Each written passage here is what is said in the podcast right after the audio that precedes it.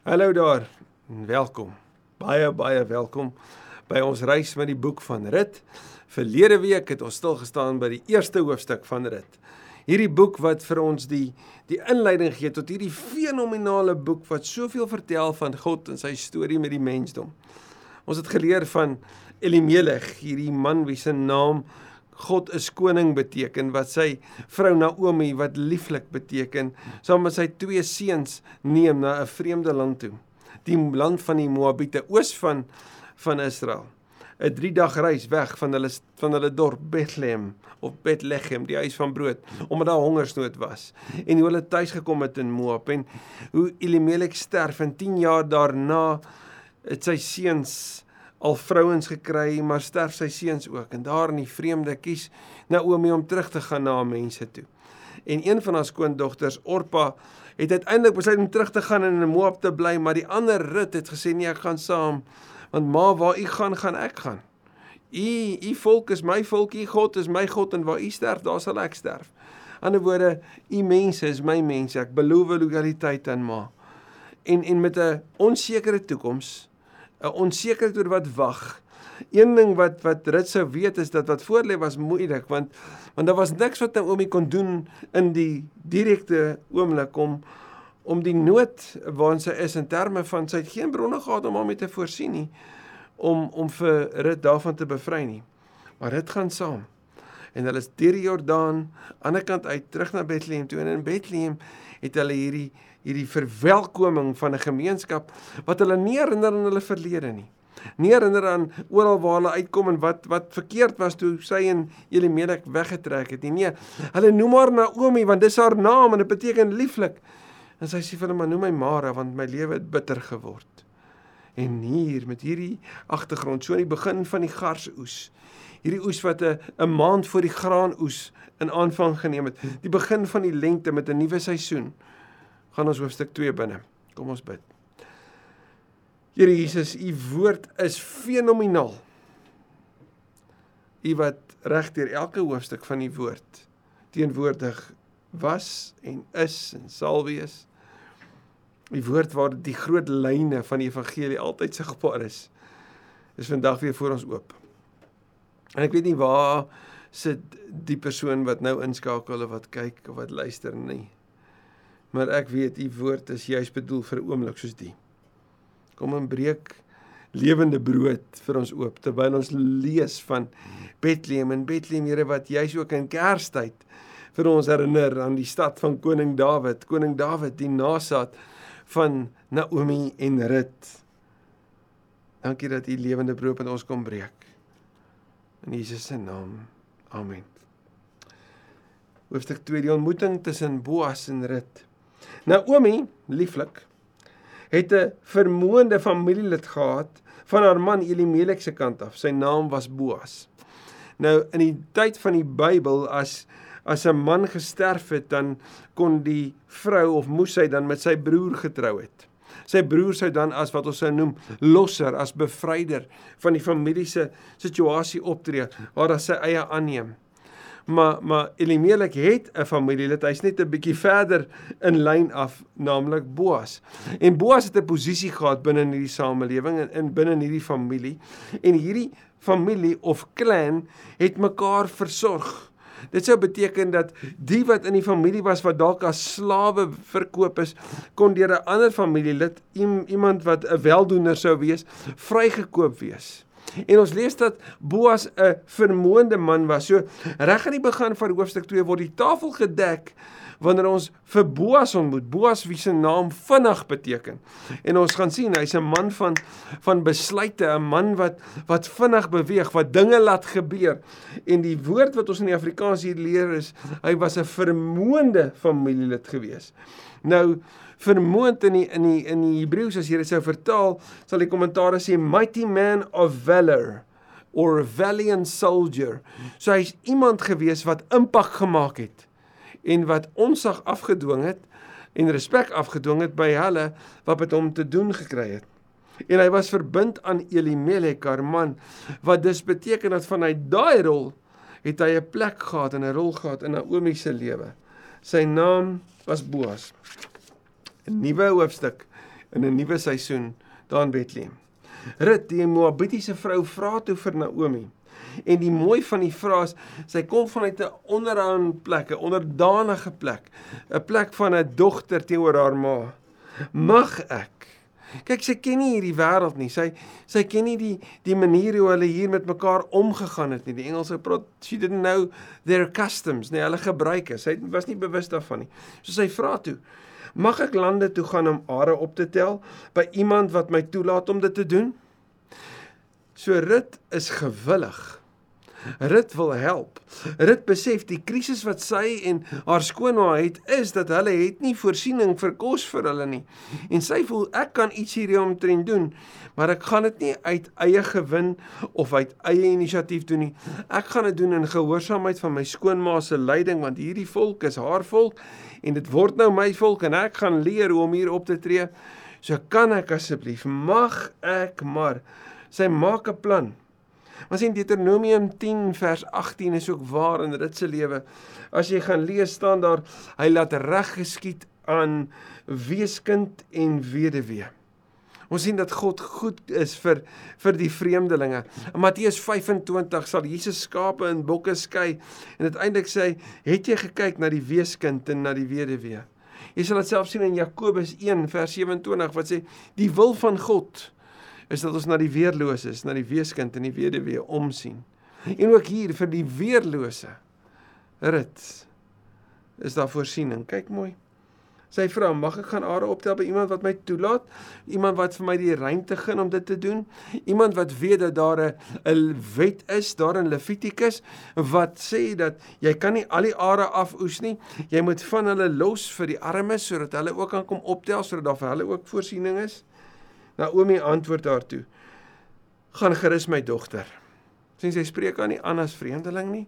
Sy spreek aan nie eers op haar naam aan nie. Sy het hierdie familieband met Rut. "Gaan gerus my dogter."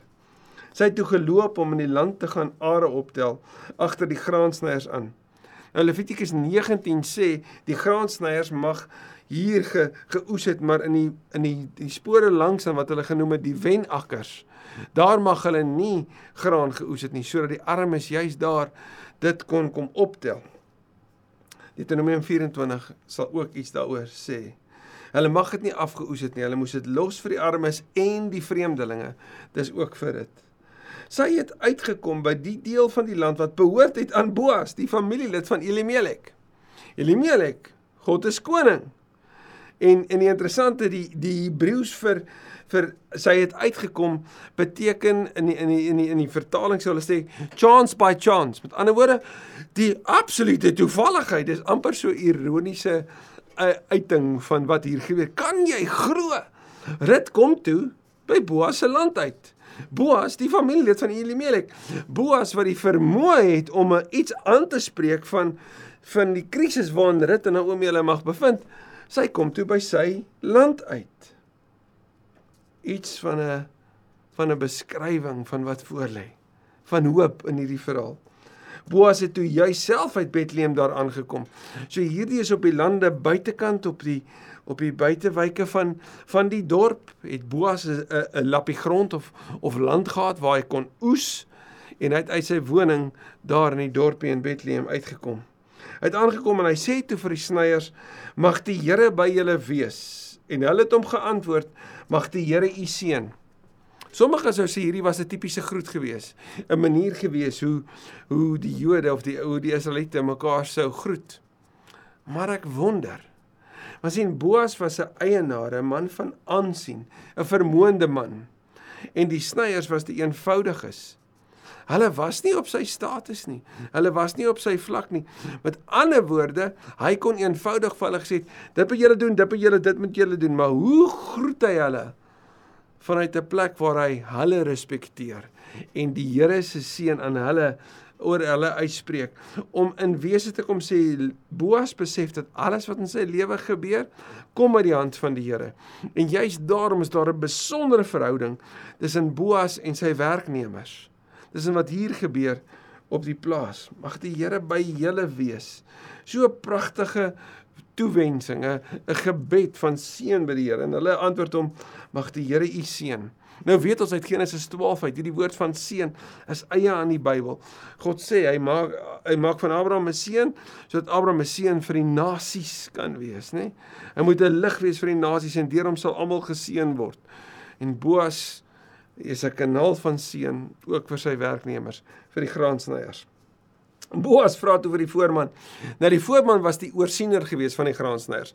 Hy moes gesorg het dat elkeen hier op die gebied wat afgebaken was, wat Boas se land was, elkeen reg sny en hulle werk doen en aan die einde van die dag sou hierdie oorsiener ook hulle hulle dagloon betaal het. So hy vra toe vir die voorman, "Wie is daardie meisie?" Iets het Boas se Boas se oog gevang toe hy ingekom het van die kommentare sê it was love at first sight. Want heel duidelik was dit verskriklik aantreklik geweest. Iets het haar onmiddellik onderskei van die ander diensmeisies wat daar was. Wie is daardie meisie? En hy antwoord, onthou Boas is vinnig, dis wat sy naam beteken, hè. Sy is 'n Moabitiese meisie. Eers word daar vertel van haar herkoms. So sy word onmiddellik op 'n plek geplaas wat in die wêreld van rein en onrein sou beteken Israel bly weg. Sy is 'n Moabitiese meisie wat saam met Naomi van Moab afgekom het. So eers haar herkoms en dan haar verwantskap. En nou gaan ons sien wat in Rut se lewe gebeur. Dat Romeine 8 vers 39 en verder juis waar is ook vir haar dat niks kan jou van die liefde van God skei nie. Nie 'n vreemde land nie. Nie 'n 'n vreemde gebied nie, nie weerloosheid of werkloosheid nie. Niks nie. God is daar en ook hier in haar geval, kyk wat doen die Here. Sy het gevra of sy are agter die snyers mag optel.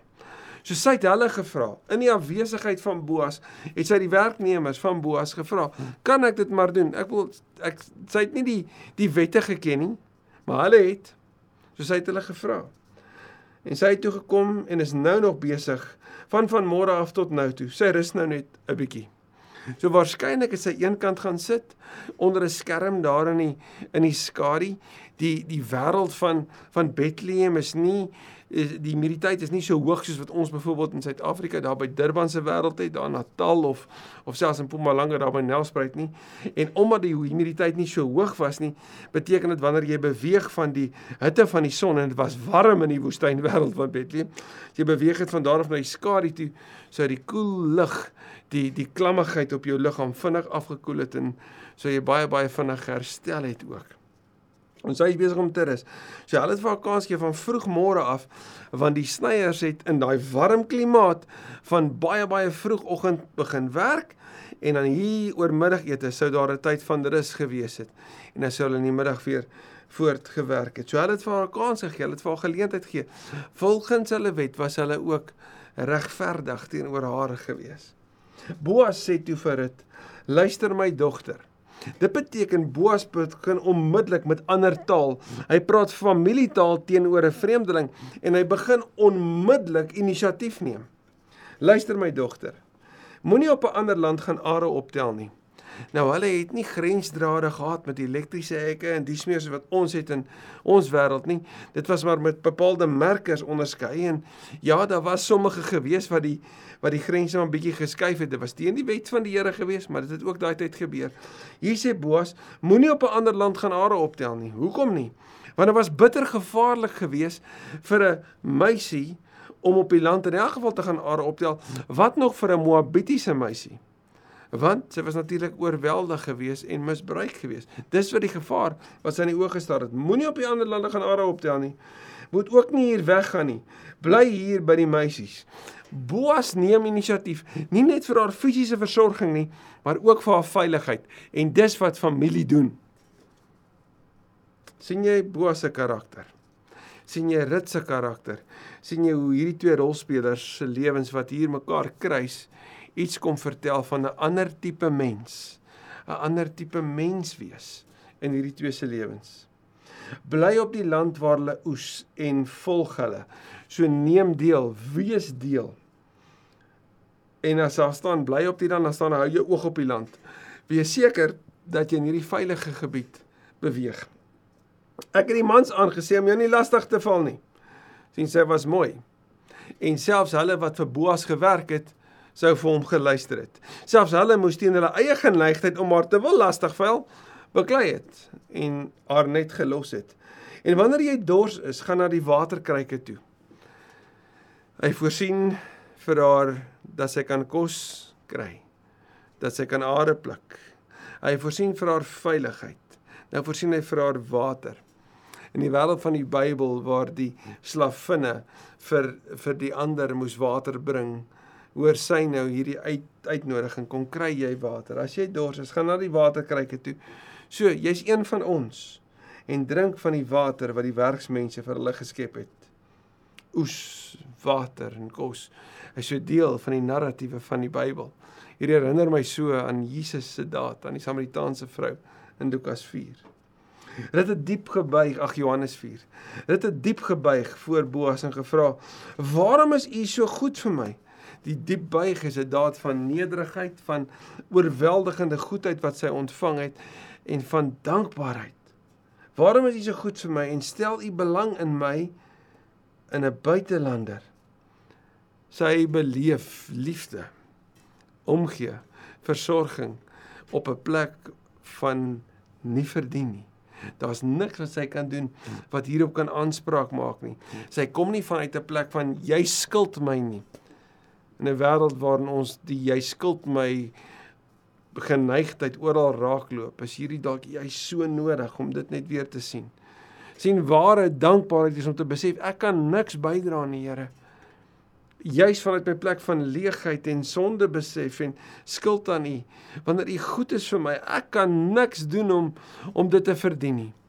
Dis op daai lae plek van nederigheid waar die Here se liefde vir ons kom ontmoet en kom aanraak, net soos Boas se goedheid vir Rut op haar laagste plek kom ontmoet het. Waarom is U so goed vir my? En Boas antwoord haar toe. En kyk mooi. Ek weet van alles wat jy vir jou skoonma gedoen het na die dood van haar man. So ek ken die storie al van die vreemde af. Van wat jy vir haar beteken het, van hoe jy daar was saam met jou jou ander skoons, saam jou skoonsussie en hoe jy haar ondersteun het. Ek weet hoe goed jy vir haar was. Ek dra kennis, ek is ingelig. En dat jy jou ouers en jou geboorteland verlaat het. So met ander woorde, ek weet van die lojaliteit wat jy aan haar bewys het en na 'n volk toe gekom het waarvan jy van tevore niks geweet het nie. Ek weet van die waagmoed wat jy wat jy tentoongestel het toe jy saam met haar gekom het. Mag die Here jou beloon. Hierdie pragtige Joodse seën wat hy oor haar spreek. Hierdie hierdie pragtige seën vanuit die vanuit die woord wat kom sê maar ek bid sodat Jahwe jou sal seën, mag hy jou beloon vir wat jy gedoen het. En hier is die belangrike. Rut het nie gedoen wat reg is sodat sy geseën kon word nie sy het die liefde vir vir Naomi beleef, van haar van haar beleef en teenoor haar gehad en daarom gedoen wat reg was. En nou sê mag die Here jou seën. Mag jy 'n welverdiende beloning ontvang van die Here. Die God van Israel onder wie se vleuels jy kom skuil het. En hierdie beeld van vleuelskei in die in die Hebreëus, die Hebreëse woord is kanaf, kanaf kom 85 keer voor in die Ou Testament. Kanaf word ook in Maleagi 4 beskryf as die vleuels waaronder jy skei en kanaf verwys ook na die kleed van die rabbi en van die Messias aan die aan na die tossels van die Messias en en daar word gesê in die vleuels van die Messias in sy kleed is daar genesing. So wanneer die vrou met bloedvloeiing aan Jesus vat, dan beleef sy die genesing van die kanaf van die Messias, van die Rabbi. So iets van daai vleuels van versorging van God, van die kanaf word vir vir dit gesê hoorie maar jy kan kom skuil hier by hom. Maleagi 4 vers 4 vertel dit. Maar kyk mooi. Rit het geskuil onder die vleuels van Naomi. Nou beweeg sy na die vleuels van Boas, maar Boas sê nee, jy skuil eintlik onder die vleuels van God, van die Here, die God van Israel. Sy het geantwoord: "Meneer, u bewys my 'n guns. U laat my goed voel. U is vriendelik met my, al is ek nie eens een van u slavinne nie. U hanteer my so goed." Dan moet dink aan Lukas 15, daai pa wat sy seun verwelkom, nê? Sy seun wat niks verdien nie. Toe dit etenstyd was, sê Boas vir haar: "Kom hierheen en steek 'n eet 'n stukkie brood en doop dit in 'n wyn in die wynshuis." Nou hierdie ete, daar was 3 etes gewees natuurlik in die wêreld van die Bybel. Die oggendete wat hulle bitter min geëet het, die middagete net so min en dan die groot ete van die dag was die aandete, maar dit was geëet hier in die laatmiddag gewees en dit was gewoonlik een pot gewees van van van ehm um, vleis en en sous wat bymekaar gesit is en dan het jy brood gevat brood wat maar deel was van 'n stapel voedsel, dit maar in die sous gedoop en so sou jy geëet het. Hy sê kom en doop dit in hierdie wynsous. Sy het toe by snyers gaan sit. So nou is hy deel van hulle. Sy's nie 'n vreemdeling eenkant nie. Sy's deel van die kring. En Boas het vir haar gebraaide koring gegee. Nadat sy genoeg geëet en self oorgehou het, het sy opgestaan om weer te gaan are optel. Dis laatmiddag en sy het haar werk om te doen. Sy het heerlik geëet. Sy het versorging beleef sy tuiskoms of 'n verwelkoming beleef, omgee, hartlikheid, gasvryheid. Sy het beskerming beleef. Nou is sy sy het water gekry, haar dors is geles. Nou het sy kos gekry. Nou kan sy haar werk gaan klaarmaak. En onthou van die kos staan aan daad oorgebly, nê? Boas het sy werkers toe beveel. En hoor wat sê hy vir hulle? Sy mag selfs tussen die gerwe are optel. So sy kan so tussen julle wees. Julle mag haar nie lastig val nie. Geef haar die beste. Julle mag haar nie pla nie. Dit die meisie van buite is nou in die binnekring van Boas se mense. Julle moet ook van die are uit die gerwe haal en dit op die grond laat val. So daar's boonbehalwe voorsiening.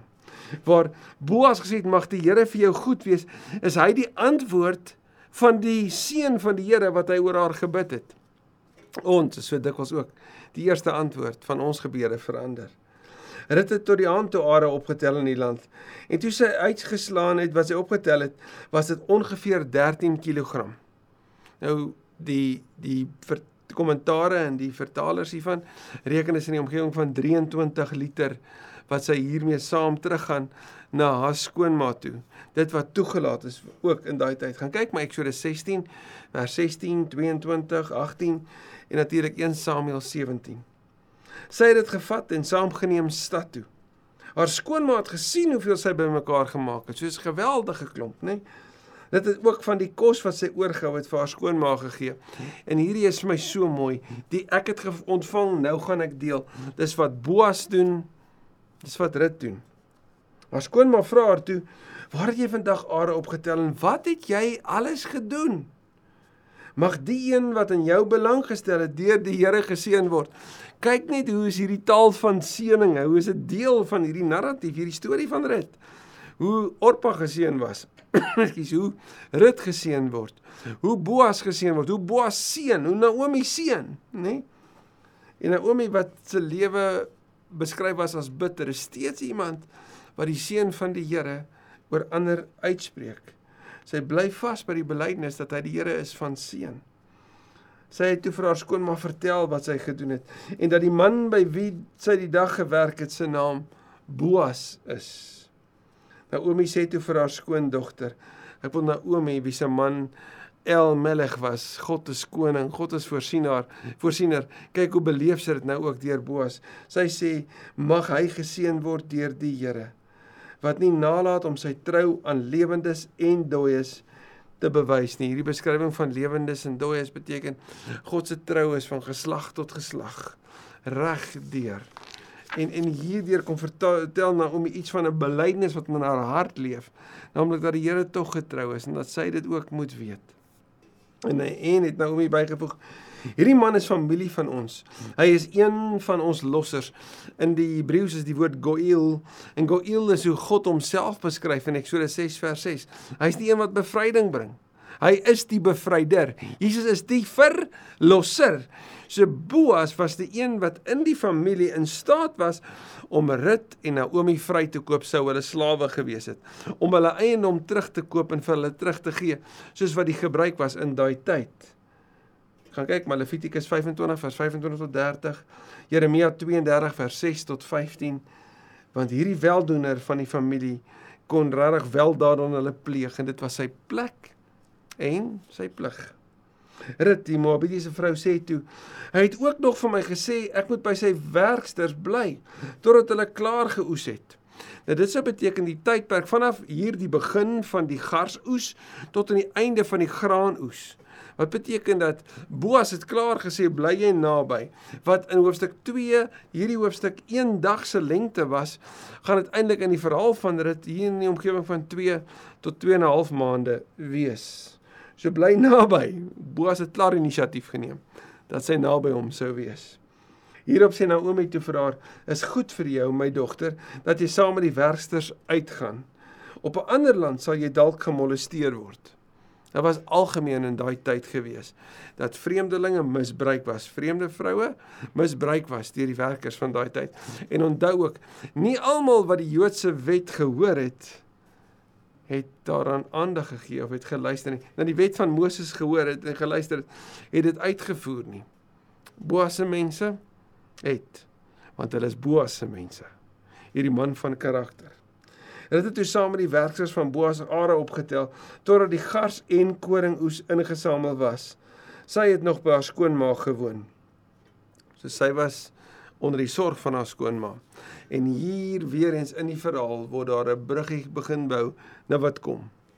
Wat's volgende?